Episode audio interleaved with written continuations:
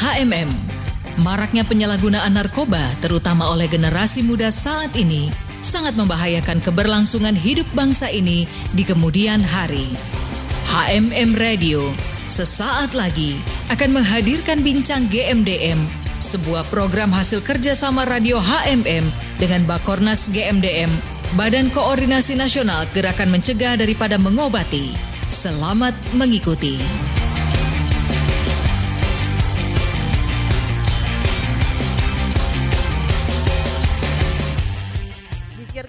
Dari kawasan Sentul, Indonesia. www.hmmdesradio.net HMM Radio Praise and Worship in Unity. Baik, rekan saya Obet sudah bersiap-siap pastinya dengan para narasumber. Kira-kira seperti apa perbincangannya? Langsung saja kita bergabung bersama rekan Obet. Silakan Obet. Iya, terima kasih rekan Fanny Olivia dan Shalom Sobat HMM di mana pun Anda berada senang sekali. Pagi ini Obet boleh hadir kembali untuk temani Anda dalam talk show dengan GMDM Garda Mencegah dan Mengobati. Nah, Sobat HMM, narkoba dan bahaya penyalahgunaannya menjadi perhatian utama pemerintah dan masyarakat. Karena hal ini sangat mempengaruhi kualitas generasi muda sebagai penerus bangsa. Nah, untuk topik hari ini, Sobat HMM akan membahas tentang ada apa dengan rehabilitasi. Sudah bergabung via Zoom pada hari ini narasumber kita dalam perbincangan dari GMDM. Saya langsung akan menyapa saja untuk Ketua Tiga Kepemudaan dan Pendampingan GMDM. Ada Advokat Stephen William Joseph Tambayong SH. Selamat bergabung, Bung Stephen. Shalom, Bung Obed. Iya, Siap. shalom. Terima kasih sudah memberikan waktunya untuk kembali kita berbincang ya di kesempatan hari ini. Sehat selalu. Bung Stephen ya. Siap, sama-sama Bang Bung Obat. Iya. Nah, kemudian uh, Steven tidak sendirian, Sobat HM ada staf operasional dari GMDM. Beliau ini juga adalah pendamping setia dari Bung Steven. Langsung saya ingin menyapa Monica Sheila SH. Shalom dan selamat bergabung untuk Monica. Shalom Bung Obet. Iya, shalom Sobat HMM. Iya, shalom. Terima kasih Monica sudah memberikan waktunya ya untuk sama-sama kita berbincang di kesempatan hari ini. Iya. Nah, topik kita hari ini mengenai ada apa dengan rehabilitasi ini. Judulnya nih hampir mirip-mirip nih dengan sebuah tayangan yang in ya di sebuah televisi. nah, saya langsung saja ingin ke Bung Steven dulu nih. Steven, ada apa sih dengan rehabilitasi? Mungkin Sobat HMM belum banyak juga yang tahu nih mengenai arti dari rehabilitasi narkoba, kemudian juga apa manfaatnya, kemudian seperti apa sih sebenarnya rehabilitasi narkoba itu. Nah mungkin Steven bisa jelaskan, silakan. Oke, Bung Obet, ini pembahasan yang menurut aku sangat penting, uh, apalagi memang ya ini yang diserukan oleh pemerintah, presiden tentang diutama diutamakan rehabilitasi untuk menangani permasalahan narkoba yang uh, makin lama sepertinya hampir tidak ada jalan keluarnya gitu karena uh, pencegahannya sudah jalan, pemberantasannya sudah jalan, tapi data terus menunjukkan uh, kenaikan data pecandu narkoba. Nah ini sebenarnya apa yang salah? Sebenarnya tidak ada yang salah kalau menurut saya pribadi. Nggak uh, ada yang salah, jadi istilahnya data pengguna narkoba naik, tapi sebenarnya kalau kita lihat sebenarnya penanganannya juga sudah uh, tepat. Misalnya banyak sekali tempat-tempat rehabilitasi yang mulai dibuka oleh swasta mm -hmm. dan pemerintah di beberapa titik. Nah ini sebenarnya tepat. Jadinya penanganannya sudah sampai uh, yang ke akar rumput karena rehabilitasi ini menurut aku yang paling penting jadinya pencegahannya jalan tapi pengobatan juga uh, penting jadinya memang pengobatan ini dalam arti uh, berbasis masyarakat. Artinya bukan hanya pemerintah tapi swasta pun sudah ingin terlibat. Nah ini sebenarnya sudah jadi satu hal yang bagus. Artinya masyarakat sudah melihat dan menilai pentingnya rehabilitasi ini harus ada di di seluruh kalangan di masyarakat. Nah, ini yang bisa menjadi satu uh, motivasi kita juga. Kalau sebenarnya uh, Indonesia sudah menjadi lebih baik pemerintahannya dan masyarakatnya, tinggal kita terus dukung, jangan puas karena sebenarnya uh, pecandu narkoba itu datanya 5 sampai 6 juta. Halo Bung Obed.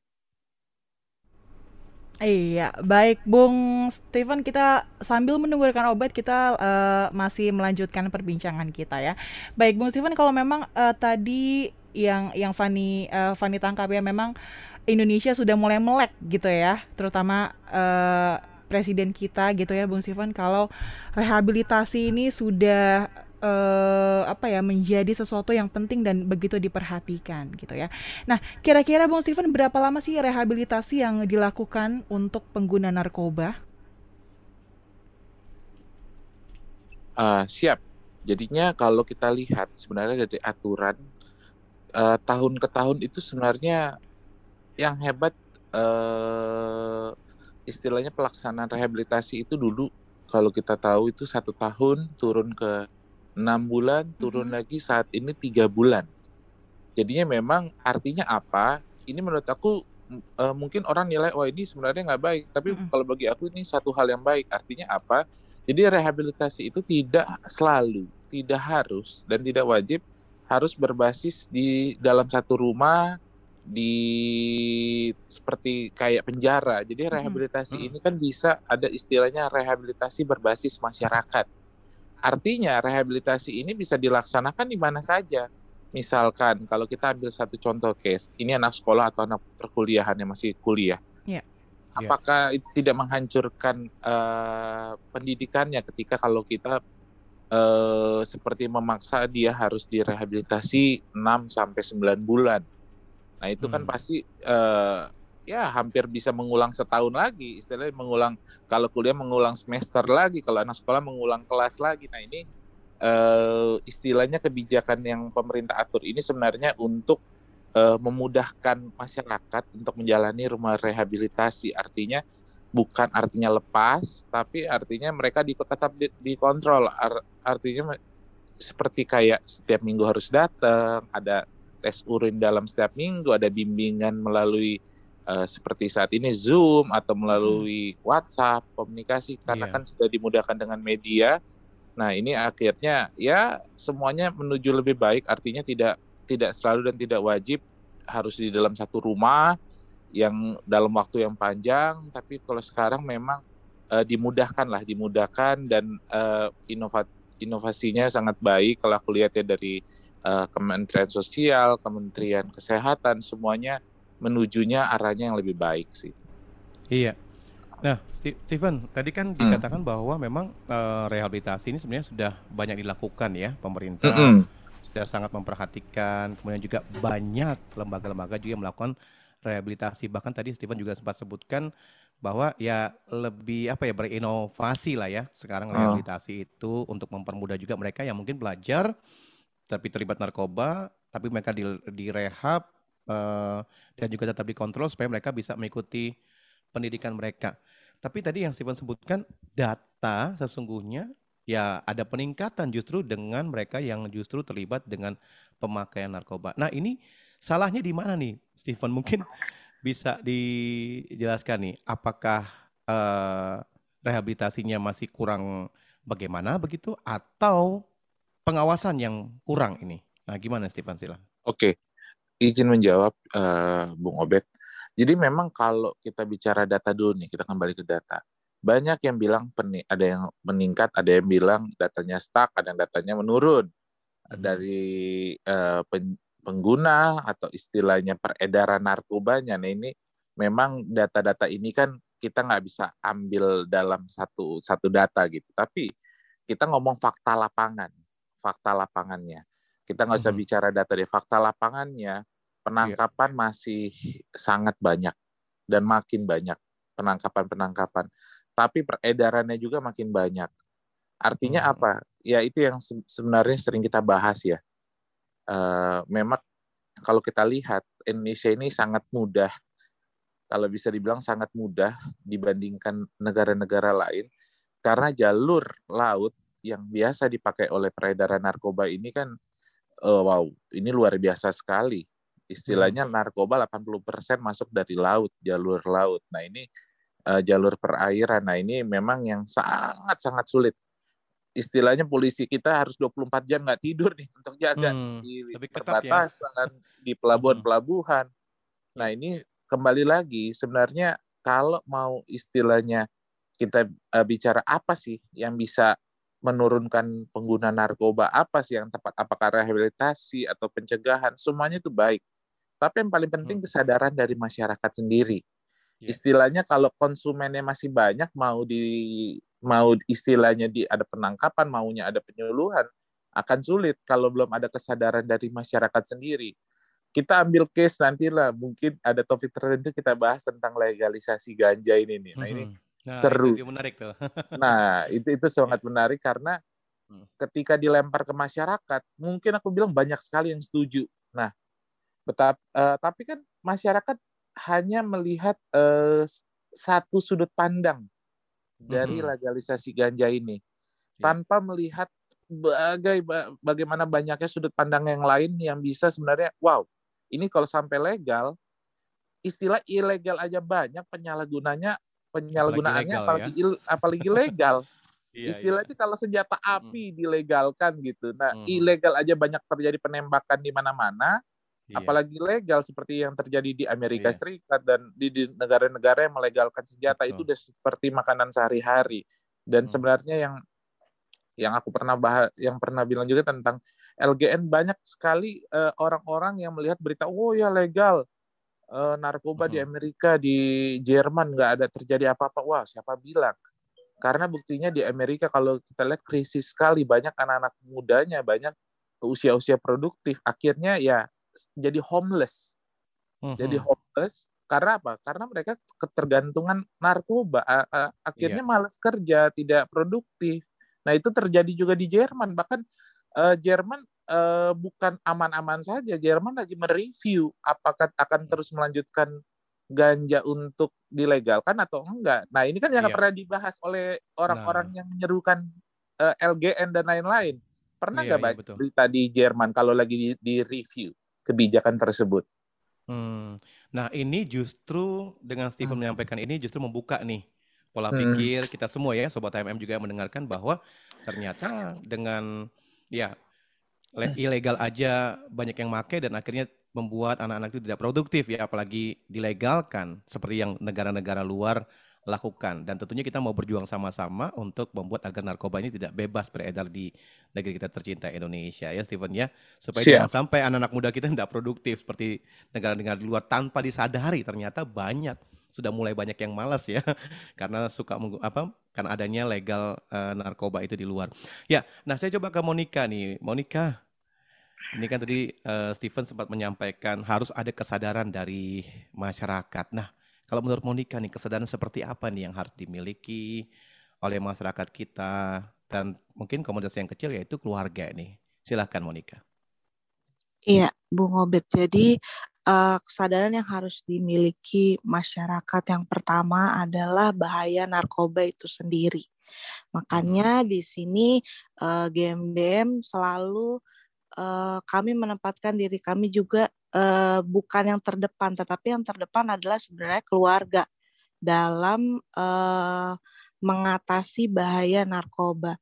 Jadi uh, keluarga harus uh, memberikan uh, memberikan informasi mengenai bahaya narkoba itu sendiri, uh, entah itu uh, berupa edukasi maupun uh, larangan yang pastinya bisa uh, masuk gitu ya ke yeah. anak-anak mereka ataupun keluarga mereka dengan cara cara uh, kekeluargaan seperti itu. Hmm, jadi memang uh, kesadaran tuh harus dimiliki dan dengan cara kekeluargaan itu mungkin membuka juga uh, pengertian tentang bahaya narkoba begitu ya Monica ya? Iya hmm. betul Bung Obed karena kan uh, banyak sebenarnya banyak dari para pecandu narkoba ini kan mereka selalu uh, banyak banget alasannya kenapa kok bisa pakai narkoba karena mereka uh, ada masalah dalam keluarganya banyak kan yang seperti mm-hmm. itu. Nah, makanya kenapa di sini uh, kami selalu menyarankan uh, keluarga itu uh, selalu mengedukasi bahaya narkoba seperti itu. Iya. Nah, Monica, ini kan Monica juga uh, aktif dalam uh, pergerakan daripada GMDM. Nah, karena topik kita mengenai ada apa dengan rehabilitasi, tentunya juga Monica juga banyak mengetahui juga tentang rehabilitasi yang dilakukan oleh GMDM pada khususnya. Nah, cuma begini Monica, sebentar perbincangan ini akan kita lanjutkan dan kita akan izinkan dulu yang berikut ini. Wah, luar biasa sekali ya perbincangannya ya rekan Robert bersama para narasumber.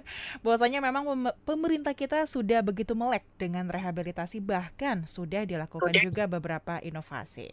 Nah, sobat MM sebelum kita berlanjut nih Fani mau sapa-sapa dulu buat sobat MM yang sudah bergabung melalui live streaming ada di Bogor, di Jakarta, ada juga di Banten, Tangerang dan juga di Makassar. Shalom bagi Anda semua. Dan Sobat MM kembali Fani ingatkan Anda dan rekan-rekan juga bisa bergabung melalui live streaming di www.hmm-radio.net atau juga melalui via Zoom untuk bisa langsung bertanya dengan para narasumber kita di meeting ID 623 432 0008 dengan password HMM Radio. Baik Sobat MM sebelum kita kembali ke perbincangan, satu lagu pujian untuk Anda. Untuk semua teman-teman yang saat ini sedang berjuang agar total lepas dari keterikatan penyalahgunaan obat-obat terlarang, tetap semangat ya, terus berjuang. Sekeras dan sebesar apa pun perjuanganmu, maka sebesar itu pula lah hasilnya. Sebab hasil tidak akan pernah mengkhianati usaha. Dan ingatlah, bahwa hidup kita hanya satu kali. Hidup kita ini singkat. Karena itu, bangkitlah, terus berjuang memperbaiki hidupmu. Terus berjuang untuk hidup semakin berkenan di hadapan Bapa, sebab kamu sangat berharga di matanya. Jangan pernah mengandalkan narkoba untuk mencari jawaban dari segala kekhawatiran. Serahkan segala kekhawatiranmu kepada Tuhan, mengadulah kepada Tuhan, layaknya anak kecil yang mengadu kepada bapaknya. Utarakan semua ketakutan dan penyesalanmu, Tuhan pasti menjawab setiap keraguanmu, dan Tuhan juga pasti memberikanmu lebih ya dari yang kau minta. Kita pernah salah, tetapi tidak pernah ada kata terlambat untuk memulai sesuatu yang benar. Lakukan perkara yang positif dan usahakan untuk hidup jauh dari dosa. Jadilah terang dan garam dunia. God bless. www.himmemdesradio.net HMM Radio Praise and Worship in Unity. Baik Sobat HMM masih bersama Fanny Olivia dan kita kembali lagi dalam bincang-bincang GMDM dengan topik ada apa dengan rehabilitasi? Langsung saja kita kembali kepada rekan Obet. Silakan Obet. Baik, Fanny Olivia, Sobat HMM, terima kasih untuk Anda terus setia bersama kami. Kita masih membahas mengenai ada apa dengan rehabilitasi bersama narasumber kita hari ini. Ada Steven dan juga Monica. Nah, tadi saya sempat bertanya ini ke Monica, tapi dijedah dengan sesuatu yang melewat tadi ya. Nah, Sobat HMM, tadi saya sempat bertanya uh, pada Monica, uh, apa nih tentang rehabilitasi uh, di GMDM itu seperti apa? Kemudian yang Monica lihat nih karena Monica juga kan uh, bersama-sama dengan GMDM terlibat di dalam uh, rehabilitasi ini pastinya ada hal-hal yang ingin disampaikan apa saja yang dilakukan oleh GMDM untuk membuat para pengguna narkoba ini mereka sadar dan juga bangkit kembali. Nah, silakan Monica. Siap, Bung Obet. Jadi uh, rehabilitasi yang GMDM lakukan itu uh, sekitar lamanya rehab itu sekitar tiga bulan dan metode yang kami lakukan itu uh, adalah mementoring dan juga hmm. menyiapkan hmm. mereka untuk kembali siap ke masyarakat dan nggak sampai situ aja tapi kami juga tetap menjaga komunikasi dengan para klien uh, untuk bisa menjadi tempat sharing dan curhat. Hmm, jadi gitu. uh, GMDM juga bukan hanya sampai di rumah rehab itu saja ya. Saat iya. mereka yeah. juga sudah ibaratnya sudah bisa dikembalikan ke keluarga ataupun masyarakat, masih ada komunikasi yang dibangun ya Iya, betul. dan para mantan pengguna ini. Nah, seperti apa saja sih komunikasi yang terus dibangun ini GMDM dengan mantan pengguna yang sudah pernah direhab di GMDM? Apa saja itu, Monica? Uh, jadi uh, kegiatannya itu ada sharing dan juga pelatihan uh, dan masih banyak juga kegiatan lainnya. Hmm. Dan juga berkomunitas.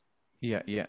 Itu saat mereka masih di rumah rehab atau saat mereka sudah kembali ke keluarga atau masyarakat? Apakah masih tetap dilakukan seperti pelatihan tadi yang Monica sebutkan?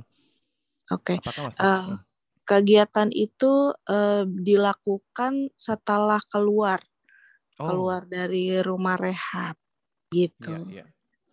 Oh, gitu ya. Nah, kalau di rumah rehab sendiri, itu metode-metode yang diberikan tadi, apakah memang itu disiapkan dari GMDM atau mungkin ada kayak materi-materinya misalnya? Apakah juga ada keterlibatan dari pemerintah juga untuk menyiapkan modul-modul gitu untuk membina para pengguna narkoba ini? Atau bagaimana Monika? Jadi untuk uh, metode-metodenya um, yang GMDM lakukan itu utama itu kami uh, mengambil dari Kemensos. Oh iya iya. Iya. Kementerian Sosial ya. Iya hmm. betul. Hmm, jadi dari Kementerian Sosial itu ada juga metode-metode yang diberikan untuk GMDM, teman-teman ya. GMDM untuk betul. disampaikan ke para pengguna, begitu ya? Iya, dengan berbasis sosial. Oh, dengan berbasis sosial. Nah, kalau uh, selama ini yang Monica lihat nih, di rehabilitasi ini. Um, untuk para mereka yang melakukan pendampingan, itu apakah sebanding dengan mereka yang direhab? Maksudnya teman-teman pengguna narkoba ini. Untuk pendampingannya itu bagaimana? Apakah jumlahnya uh, sesuai atau justru ada yang tidak tertangani misalnya begitu di rehabilitasi sendiri? Atau yang Monica lihat selama ini bagaimana? Apakah semuanya bisa tertangani dengan baik Iya, uh, untuk itu sudah cukup satu banding lima uh -huh. sampai satu banding sepuluh. Oh, jadi ada ketentuannya juga ya? Iya. Berarti maksudnya satu pendamping, lima yang pengguna begitu? Iya, betul. Oh, betul lima sampai enam ya. Nah, kalau Monica sendiri lihat, apakah itu sudah uh, sesuai dan bisa bisa ibaratnya pesan yang disampaikan, metode yang dilakukan itu apakah bisa mendarat tepat tuh buat para pengguna narkoba untuk jumlah komposisi tadi itu yang Monika sebutkan satu banding lima tadi? Iya, uh, untuk komposisinya sudah cukup efektif karena uh, mereka sendiri itu dari uh, pekerja sosial. Gitu. Hmm, pekerja sosial. Nah, pekerja nah, sosial untuk... yang terlatih pastinya. Oh terlatih. Nah mereka ini uh, untuk para misalnya pendamping tadi, apakah mereka itu memang ditempatkan dari Kementerian Sosial atau GMDM sendiri yang mencari? Dari ya betul dari Kementerian Sosial. Oh, jadi ah. dari Kementerian Sosial memang menempatkan orang-orang terlatih mereka seperti yang tadi Monika sebutkan orang-orang yang terlatih ya. Iya, betul. Oke, oke. Ya, dengan metode yang dari Kementerian Sosial juga dengan orang-orang yang juga terlatih dari Kementerian Sosial juga untuk mendampingi para pengguna narkoba. Wow, berarti memang menarik nih yang disampaikan Monica. Tentunya ya game DM memang uh, saya bisa bilang kualitas ya untuk mendampingi para pengguna narkoba ini memang secara serius. Nah, saya coba kembali ke Steven nih. Steven, Siap. Nih selalu siap ya di tengah WFH. Masih sempat juga memberikan waktu untuk kita berbincang-bincang. Pasti Waduh, banyak tugas rumah juga nih Stephen dan Monica ya. Ya, um, tadi itu menarik tuh. Jadi Kementerian Sosial memang uh, ibaratnya ada kerjasama ya dengan GMDM. Nah, sejauh mana sih kerjasama yang dilakukan oleh Kemensos dengan GMDM ini untuk uh, rumah rehab ini yang Stephen lihat hari uh, selama ini? Jadi memang kalau yang kita lihat ya, maksudnya yang kita jalankan juga selama ini mm -hmm. memang kita madernya istilahnya Kemensos karena kan yang kita jalanin adalah rehabilitasi berbasis masyarakat. Nah, kalau yang uh, yang dijalanin oleh Kementerian Kesehatan berbasis kesehatan. Nah, ini yeah. artinya memang uh, istilahnya uh, uh, utamanya kami mem- uh, mengambil pedomannya dari Kementerian Sosial. Mm-hmm. Nah, itu yang telah kami jalani artinya boleh dijalani oleh tenaga uh, ahli seperti kami yang di masyarakat. Nah, jadinya yeah. kan beda nih kalau yang kesehatan harus dokter, kalau yang masyarakat misalkan oleh tenaga-tenaga terlatih psikolog, yeah. uh, uh, terus penggiat anti narkoba. Nah, jadinya itu yang menjadi pedoman kami. Jadinya kalau yang aku lihat kita kan bergerak dari istilahnya awal nih, awal untuk uh, pembukaan dulu dan rancangan dari rehabilitasi berbasis masyarakat ketika Kemen hmm. Kementerian Sosial istilahnya bisa dibilang mengambil alih uh, rehabilitasi. Uh, kalau dulu kan hanya terpusat misalkan di BNN, tapi akhirnya kan ini menjadi tanggung jawab bersama oleh Kemensos, Kemenkes, hmm. bahkan uh, di setiap pemprov itu pun juga ada satgasnya, ada satgas-satgas anti narkobanya dan satgas rehabilitasinya. Hmm, yeah, memang yeah. dibagi. Nah ini menurut aku ada baiknya memang karena artinya apa permasalahan narkoba dan rehabilitasi ini memang luas, bukan hanya uh, di satu provinsi, bukan hanya di satu golongan, tapi di seluruhnya. Artinya semuanya ingin terlibat, semua aspek di dunia pemerintahan ini ingin terlibat semua. Hmm, ya, ya. Ya, saya bisa bilang bahwa GMDM ini jadi perpanjangan tangan pemerintah, yaitu mewakili Kemensos untuk hadir di masyarakat, hmm. untuk ibaratnya menangani para pemakai narkoba, begitu ya, Stephen betul, ya? Betul, betul, betul. Nah, Um, saya ingin bertanya gini, Steven, mengapa rehabilitasi ini merupakan opsi yang dipilih pemerintah untuk menangani para pemakai narkoba ini? Mungkin kalau aku bisa bilang ini the last hope. The last hope artinya hmm. karena yang kita lihat kan yang tadi aku kenapa akhirnya bisa nyambung sampai cerita tentang LGN yang lagi hangat nih dibicarakan lagi seru-serunya nih. Apa pun hmm. kalau bahas tentang LGN bisa trending nih. Karena karena memang buktinya kesadaran masyarakat terupanya berpihaknya bukan sama kami penggiat anti narkoba, bukan hmm. bersama pemerintah yang ingin apa maksudnya kita nih kita bukan antipati dengan ganja, maksudnya kayak aku contohnya. Ini kita ambil case karena ini kan bicara tentang eh, bagaimana nih masyarakat sebenarnya ya kenapa kita bilang rehab terakhir. Yeah. Optionnya hmm. rehab karena kalau kita tunggu kesadaran masyarakat, kita kembali contoh ke LGN itu, malah banyak yang kalau kita lihat BNN live di Instagram yeah. atau instansi-instansi yang anti narkoba live itu banyak kan cacian.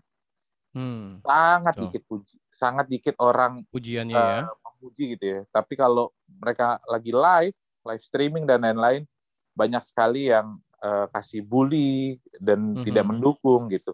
Karena apa? Berarti kesadaran masyarakat ini males membaca, hanya melihat apa yang ya istilahnya clickbait-nya aja atau melihat oh itu yang kayak contohnya ada anak eh, ada seorang ibu yang membawa eh, apa ya kayak anaknya ya sakit ya. anaknya. Hmm. Memang itu menjadi menarik nih untuk kita bahas. Mungkin harus iya. satu ini lagi nih satu next ya ya next nah jadinya memang hmm. tapi kan yang mereka nggak tahu apa sih yang disebabkan ganja apakah hanya menjadi hmm. obat atau yeah. banyak sekali anak-anak yang masuk ke rumah sakit jiwa banyak keluarga yang hancur gara-gara ganja hmm. eh, ini kan nggak apple to apple pembahasannya oh ya Betul. ini bisa jadi obat tapi udah tahu belum efek sampingnya udah tahu belum yang ilegal aja banyak yang gunain apalagi legal, akan waduh yeah. aku bilang bisa meningkat uh, wah nggak ngerti deh persenannya berapa kalau sampai ini dilegalkan eh, i, bilangnya sih nanti jadi obat, tapi kan bisa diselewengkan, bisa nah, lagi nanti ada orang wah banyak sekali lah maksudnya kalau kalau aku lihat kita belum siap. Kita belum siap. Nah, tapi kita kembali lagi ke topik kenapa kenapa aku bilang uh, the last hope-nya itu rehab. Karena yeah. kalau tunggu kesadaran masyarakat agak sulit nih. Kesadarannya hmm. agak sulit. Yang jelas-jelas kita udah kasih tahu bahaya ganja aja seperti apa, mereka nggak peduli ditutup kuping tutup mata kuping, untuk iya. uh, hmm. untuk mendengarkan hal itu. Mereka lebih melihat oh ini mereka ganja itu jadi obat. Iya. Tapi hmm. penyalahgunaannya lebih banyak lagi. Iya. Kalau ini sampai Mung legal bahaya sekali gitu. Iya, mungkin gini Stephen, masyarakat lebih me, apa mengutamakan perasaan daripada data mungkin ya. betul betul, mungkin itu. Iya kan? Jadi empatinya lebih tinggi daripada makanya memang harus di apa sesekali memang harus dimunculkan mungkin data ataupun jumlah ini loh pemakai sebenarnya seperti ini dan ini memang sangat berbahaya mungkin seperti itu mungkin ya M mungkin bisa membuat juga kesadaran Sadar, bagi ya. masyarakat tentang bahaya narkoba jadi eh, bahaya narkoba itu bukan hanya tagline ataupun judul aja mungkin bisa diberikan juga uh, jumlah data, data, data yang ya. pasti ya Steven. Jadi memang akhirnya masyarakat melek juga akhirnya dan mungkin bisa bersama-sama akhirnya dengan GMDM ya perang dengan narkoba ini. Jadi tidak mengutamakan perasaan mereka. Ya, Steven ini menarik sekali ini mengenai topik kita mengenai ada apa dengan rehabilitasi. Rehabilitasi sangat penting, bermanfaat untuk mengembalikan para mantan pemakai narkoba untuk ke jalan yang benar dan akhirnya mereka juga boleh berdampak ya di masyarakat, di keluarga dan boleh berprestasi. Nah, Steven, nih apakah pengguna narkoba itu bisa dipidana juga? Karena kan kita sering dengar nih setiap perbincangan dengan GMDM bahwa pengguna narkoba itu kan korban. Tapi apakah mereka itu bisa dipidana dan akhirnya masuk sel bukan direhab? Hmm. Stephen? Oke, okay. jadi gini, kita kan banyak pasal banget yang mengatur. Misalnya di pasal 54 kalau untuk hmm. pelaksanaan rehabilitasi, terus ada pasal 127 yang selalu orang bicarakan untuk rehab, tapi aslinya itu juga ada ayat-ayatnya di situ yang bisa menjerat iya. misalkan empat yeah. tahun penjara bahkan mm-hmm. satu dua yang ya kalau kita bilang ini mereka pengedar atau istilahnya mereka kurir, nah itu bisa disampai 20 tahun bahkan ada sampai hukuman mati. Tapi memang kemarin kami diundang untuk mereview sama-sama dipanggil oleh DPR RI untuk mereview undang-undang undang-undang yang baru memang yang ke depannya yang terjadi adalah eh, pemerintah udah udah ambil langkah yang baik, ambil langkah yang baik. Yeah. Di undang-undang terbaru ini, aku nggak boleh spoiler mungkin ya, Mas itu kan nanti resmi takutnya nanti apa yang diresmiin belum tentu yang kemarin mm -hmm. kita bahas semua. Jadi iya. sebenarnya yeah. pasal yang yang akan datang adalah yang memang uh, ini seperti yang kami mau, artinya bahwa pecandu adalah korban, tapi yang kita perlu soroti di sini kalau sampai dua kali tiga kali ketangkep apakah masih bisa disebut korban? Nah oh, ada ada okay. perhatian khusus gitu. Artinya kita mau mereka sembuh dan mereka sadar bukan memakai uh, pasal ini sebagai pasal untuk ininya mereka untuk uh, menyukseskan mereka makin narkobanya nih. Kita mau tamengnya pasal, ya. uh, uh, tamengnya. Jadi kita nggak mau hmm. juga di dimain-mainin juga nih sama iya. misalkan kita nggak mau lagi misalnya jadi pasal karet atau dipakai oleh oknum-oknum untuk membuat ini menjadi pasal karet kita nggak mau kita berharap uh, pemerintah ke depannya udah bagus tapi lebih baik lagi untuk bisa uh, menganggap permasalahan narkoba ini utama karena kalau kita bicara datanya boleh disanggah boleh mungkin hmm. ada yang bilang turun ada yang bilang naik ada yang bilang uh, datanya stuck. Tapi kalau kita lihat di lapangan masih banyak. Kita nggak usah iya. bicara yeah. juta-jutaan. Kita lihat fakta di lapangan penangkapan uh, pecandu narkoba itu masih banyak sekali. Iya. Jadi memang uh, apa yang sudah dilakukan itu ya memang berhasil ya perang terhadap narkoba ini. Ya saya coba ke Monica dulu sedikit pertanyaan nih Monica. Kalau misalnya direhabilitasi, apakah Monica ini pernah juga nih melihat mereka yang sudah pernah direhab kemudian akhirnya melakukan rehab lagi nih di GMDM? Gimana Monica? Pernah nggak ketemu seperti itu? Uh, kalau untuk itu saya banyak melihat uh, yang seperti itu. Tapi kalau uh, untuk lebih jelasnya lagi, um, mungkin bisa ke yang di bidangnya karena saya kan uh, seperti uh, Pak Stephen karena saya kan yeah. lebih mungkin lebih uh, banyak di penyuluhannya Oh iya iya, Monica banyak di penyuluhan untuk mereka yang ibaratnya para studi gitu ya, para pelajar, mahasiswa. Ya, betul lah, Monica ya? Jadi untuk memberikan kesadaran tentang bahaya narkoba. Iya, Ya, pengalaman sedikit pengalaman Monica nih pada saat melakukan penyuluhan. Apa yang dilihat di sana?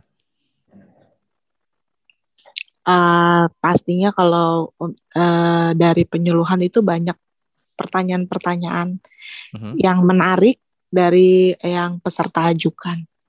Oh gitu. Jadi memang perhatian peserta itu cukup antusias ya untuk mengikuti penyuluhan dilakukan oleh GMDM dan tim. Iya, Betul. Gitu ya Monica ya.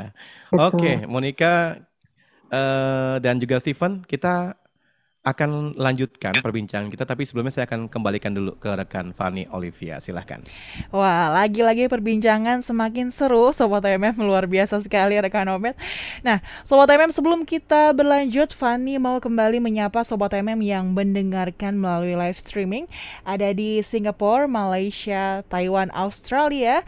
Shalom juga di uh, Russia, Germany, United States, dan juga United Kingdom. Shalom, enjoy uh, your listening with HMM Radio. Baik Sobat HMM, sebelum kita kembali kepada ke uh, perbincangan yang seru tadi ya, kita dengarkan dulu yang mau lewat berikut ini. Keluarga itu buat saya adalah tempat yang paling nyaman di muka bumi ini. Tuhan berikan keluarga sebagai tempat menaruh segala perasaan, baik itu senang ataupun sedih tempat untuk meluangkan segala rasa. Keluarga adalah lembaga terkecil yang Tuhan bentuk atau ciptakan. Keluarga itu bukan hanya sekedar sekumpulan orang yang memiliki ikatan darah dengan kita, tetapi keluarga itu adalah rumah di mana kita bisa berpulang ketika kita lagi di low position in life. Keluarga itu bisa jadi healing pills, bisa jadi penyembuh, bisa jadi obat waktu kita lagi uh, ngehadapin semua hal-hal yang nggak baik yang terjadi di dalam hidup kita. Keluarga menurutku adalah suatu ruang atau tempat di mana bisa bebas melakukan apa pun atau berekspresi seperti apa tanpa adanya diskriminasi atau judgement terhadap kita. Dan bisa jadi pilihan sandaran ketika berada di titik terlemah kita dari hiruk pikuk dunia luar gitu dengan cukup berada di tengah mereka itu udah berikan ketenangan dan kenyamanan. www.hmm-radio.net HMM Radio Praise and Worship in Unity. Baik Sobat HMM, kita kembali dalam bincang-bincang GMDM dengan topik Ada apa dengan rehabilitasi? Langsung saja kembali ke rekan Obet, silakan Obet. Baik, terima kasih Fanny Olivia. Baik, Sobat HMM masih bersama Steven dan juga Monica. Kita masih berbincang mengenai ada apa dengan rehabilitasi. Ya, saya coba ke Steven nih. Steven, kita lanjut saja ini mengenai rehabilitasi. Apakah ah, bagaimana nih dengan pengaturan ah, rehabilitasi dalam Undang-Undang Narkotika? Kemudian apa sih syarat sebuah lembaga bisa melakukan rehabilitasi bagi pengguna narkoba? Silakan, Steven. Oke, Bung Obed. Jadi kalau pasal yang mengatur itu kan ada di pasal 54 ya. Uh-huh. Dan nomor 35 tahun 2009 tentang uh, rehabilitasi medis dan rehabilitasi sosial. Tapi memang kalau yang kita soroti kedua adalah memang isinya cukup panjang yang mengatur tentang pasal uh, rehabilitasi karena tentang uh, apa uh, siapa yang disebut pecandu, misalkan uh-huh. juga di dalam situ juga uh, siapa yang berhak direhabilitasi. Jadi memang panjang. Ini memang hmm. uh, kita sebenarnya kalau masyarakat aware tentang rehabilitasi bisa dibaca nih pasal 5 pasal 54 hmm. uh, nomor nomor 35 tahun 2009 ini harusnya menjadi salah satu pedoman tentang undang-undang rehabilitasi uh, siapa yang berhak direhabilitasi dengan ketentuan uh, seperti apa dan adanya juga pasal-pasal yang mendukung tentang uh, ada SEMA, surat edaran Mahkamah Agung, uh, keputusan presiden, peraturan presiden banyak sekali memang pasal-pasal yang uh, bisa dipakai di dalam persidangan juga yang bisa karena itu pentingnya pengetahuan hukum dan memang di GMDM kan ada divisi hukumnya yeah. dan pendampingan artinya GMDM juga siap untuk mendampingi misalkan uh, keluarga atau teman dari pendengar di radio HMM bisa uh, istilahnya mendapat legal opinion dulu dari kita. Mhm. Nanti apakah uh, kita bisa menjadi pendamping hukumnya atau uh, yang lainnya mungkin ke depannya uh, itu kan bisa dilihat gitu. Tapi sebenarnya kalau uh, sobat HNM mau melihat itu uh, mau tanya, mau melihat tentang uh, apa sih uh, undang-undang narkoba ini bisa nanti di-sharing ke GMDM ke nomornya GMDM gitu ya maksudnya iya. uh, tentang uh, misalkan apa nih misalkan keluarganya ketangkep uh, mm-hmm. barang buktinya segini apa yang harus dilakukan apa langkah Iya, hukum iya. selanjutnya itu bisa. Nah kalau Hmm. dilihat juga pertanyaan kedua ya, maksudnya dari Bung Iya. Obed tentang eh, Syarat sebuah lembaga syarat bisa ya, melakukan syarat rehabilitasi. Mm-mm. tempat rehabilitasi. Tempat rehabilitasi ini memang syarat syaratnya banyak ya, syaratnya banyak. Mhm. Misalkan eh, harus eh, memiliki tempat, eh, ada ada penilaian kelayakannya, kelayakan tempatnya nggak harus selalu bicara tentang besar, tapi minimal dua. Contoh ini aku kasih contoh ya, harus Iya. ada 20 bed, minimal 20 bed. Kalau mau masuk Oh. dalam IPWL, terus eh, memiliki tenaga konselor yang nanti akan diberikan oleh Kementerian Sosial dan nanti kan ada juga tenaga yang disiapkan oleh tempat rehabilitasi yang Mhm. untuk ini apa eh yang dilatih oleh Kementerian Sosial. Kita Iya, menyiapkan tenaga-tenaga terlatih nantinya. Dan Hmm. dan ketiga mungkin eh, adalah bicaranya tentang eh, kita harus mendapatkan izin dari warga sekitar. Terus eh, memang di sini berbasisnya apa? Apakah ini berbasis eh, masyarakat saja atau adanya kerjasama dengan eh, BNN, bekerja sama dengan Hmm. pemprov. Nah itu itu juga di salah satu yang diperhatikan karena apakah untuk pendanaannya yang mereka pikirkan. Iya. Artinya apa? Misalkan ah, ini berbasis eh, berbayar atau enggak? Atau kalau ini Hmm. free, misalkan, nah itu baru bisa dibantu oleh Kementerian Sosial karena ini kan free. Iya, Artinya iya. memang di situ eh, nanti ada pembuatan SKTM, surat keterangan tidak mampu. Nah itu kan nanti harus dilengkapkan. Tapi kalau ini berbayar ya nggak perlu sampai situ. Artinya Kementerian Oh. Sosial hanya memberikan license, tapi pelaksanaannya pure 100% oleh dijalankan oleh tempat rehabilitasi tersebut gitu sih. Oh begitu. Jadi memang tempat rehabilitasi itu ada yang memang gratis, murni ya gitu ya Steven ya. Murni, mm, Ada juga yang berbayar juga ada. ya? berbayar ada.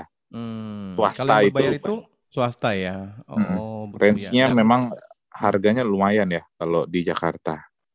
Oh begitu Mm. ya. Nah kalau untuk ber- apa, ber- berbayar itu ibaratnya diarahkan ke mana tuh dananya misalnya? dananya ya eh, ke tempat rehabilitasinya, ke tempat re- Hmm. rehabilitasinya artinya mereka pengelolanya.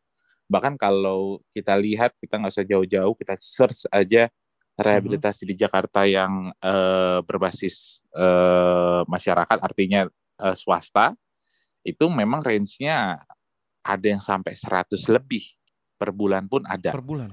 Oh. Per bulan, per bulan pun Hmm. ada. Tapi dengan kamar yang suite, maksudnya Iya. eh, fasilitas eh, penunjang lainnya gitu ya. Maksudnya memang ya Hmm. seperti pelayanan ya normal lah pelayanan kayak di Normal hotel ya. aja gitu ya. Tapi itu Hmm. memang nggak apa-apa kalau ada yang rehabilitasi seperti itu, fasilitasnya seperti itu dan biaya, dikenakan biaya yang cukup lumayan tadi, itu nggak masalah ya Stefan ya? Eh, nggak masalah Atau? selama dia tidak mengakses dana pemerintah. Artinya ini kan Oh, oke. dari masyarakat untuk masyarakat. Dari masyarakat untuk masyarakat. Jadinya ya. tidak masalah gitu. Kayak hotel mau kasih harga berapapun kalau dia mau why not gitu istilahnya. Oh gitu Yang- ya. Heeh. Istilah gitu. Iya, iya. Maksudnya ya Oh, terserah aja orang mau atau Hmm. enggak gitu. Tapi buktinya waiting list di di, di Hmm. Jakarta. Yang Gitu 100 ya. juta lebih, yang 40 sampai 60 juta itu waiting list karena Hmm. rupanya banyak orang butuh eh, pertama kan rananya privacy. Kalau tempat Oh. mahal ini kan privasinya Privacy dijaga, ya. pelayanan pelayanan juga dengan Mm-mm, eh, yang mm. terbaik, fasilitas Iya. yang baik gitu sih. Oh begitu. Jadi ternyata ada nih sobat AMM. ya, ada ya juga yang memang berbayar dan ada juga memang murni memang untuk membantu masyarakat begitu ya Steven ya untuk mereka yang tidak mampu. Betul, Nah, Bung Abel. Steven nih singkat saja nih untuk strategi GMDM mempertahankan rumah rehab yang sudah ada. Kira-kira ke depan apa nih yang melakukan singkat saja. Kemudian nanti Monica mungkin bisa menyampaikan harapannya untuk adanya rumah rehab ini dan juga sampaikan sedikit mungkin manfaat dari rumah rehab ini. Silakan Steven. Memiliki hati itu yang terpenting bagi kami GMDM karena kita tahu kita semua di GMDM volunteer dan ya tujuan dan harapan kita memang untuk Indonesia generasi muda untuk jauh daripada narkoba dan ketika direhabilitasi adalah kesempatan kedua untuk bisa berubah. Nah, itu yang memotivasi kita dan memberi kita semangat untuk Mhm. terus bergerak karena kita tahu kesempatan itu masih ada untuk mereka mantan-mantan pecandu, untuk mereka Mhm. yang pengen berubah masih ada kesempatan itu Masih dan kita yakin kita yakin maksudnya ini bisa menjadi satu semangat yang baru terus memberi semangat juga bagi banyak uh, mereka yang ingin sembuh dari penyalahgunaan narkoba. Narkoba. Ya, silakan Monica mungkin harapannya tentang rumah rehab yang ada di GMDM ini dan juga sedikit manfaat yang bisa disampaikan buat pendengar HM Radio. Silakan. Baik, Bung Obet. Jadi uh, untuk harapannya sendiri uh, tempat rehab ini semakin banyak di Indonesia karena dengan banyaknya tempat rehab yang ada di Indonesia berarti uh, kami dekat dengan para uh, adanya pecandu narkoba. Jadi uh, tidak perlu jauh uh, untuk mencari di mana uh, rumah rumah rehab ada gitu. Jadi uh, kami berada dekat dan juga uh, pastinya kami juga uh, berharap adanya dukungan dari masyarakat dengan iya. tempat-tempat yeah. rehab yang ada di Indonesia seperti itu. Yeah. Karena tempat rehab sendiri kan manfaatnya adalah uh, kami ini untuk mengembalikan uh, para pecandu uh, narkoba untuk kembali siap terjun ke masyarakat. Karena uh, mereka juga butuh dirangkul, mereka juga uh, butuh diterima kembali uh, ke masyarakat. Jadi uh, adanya rehabilitasi ini pastinya uh, sangat bermanfaat sekali uh, untuk uh, kemasyarakatan juga gitu. Iya. Baik, sebenarnya kita masih ingin berbincang Steven dan juga Monica, tapi karena waktu membatasi kita, jadi saya harus mengakhiri perbincangan kita hari ini. Saya coba terima kasih buat Steven, terima kasih juga Monica untuk waktu dan kesempatannya. Sukses selalu untuk segala aktivitas dan salam untuk rekan-rekan di GMDM ya. Tuhan berkati selalu. Siap, Bung Iya. Baik, Sobat HM, Anda telah mengikuti perbincangan dengan GMDM Garda Mencegah dan Mengobati dengan topik Ada Apa dengan Rehabilitasi. Informasi tentang game DM dapat menghubungi di 021866 15552. 021866 15552. Nantikan perbincangan kami selanjutnya bersama game DM dengan topik menarik seputar penyalahgunaan dan pemberantasan terhadap narkoba untuk menciptakan Indonesia bersinar bersih dari narkoba. Kembali ke rekan Fanny Olivia, silakan. Baik, terima kasih rekan Obet. Nah itu dia Sobat MM bincang-bincang GMDM kita hari ini. Nantikan kembali bincang-bincang bersama GMDM berikutnya dengan topik yang lebih seru, lebih memberkati lagi. Dan Fanny Olivia masih akan terus menemani Anda dalam Joyful Time. Tetaplah bersama kami di www.hmm-radio.net HMM Radio Praise and Worship in Unity.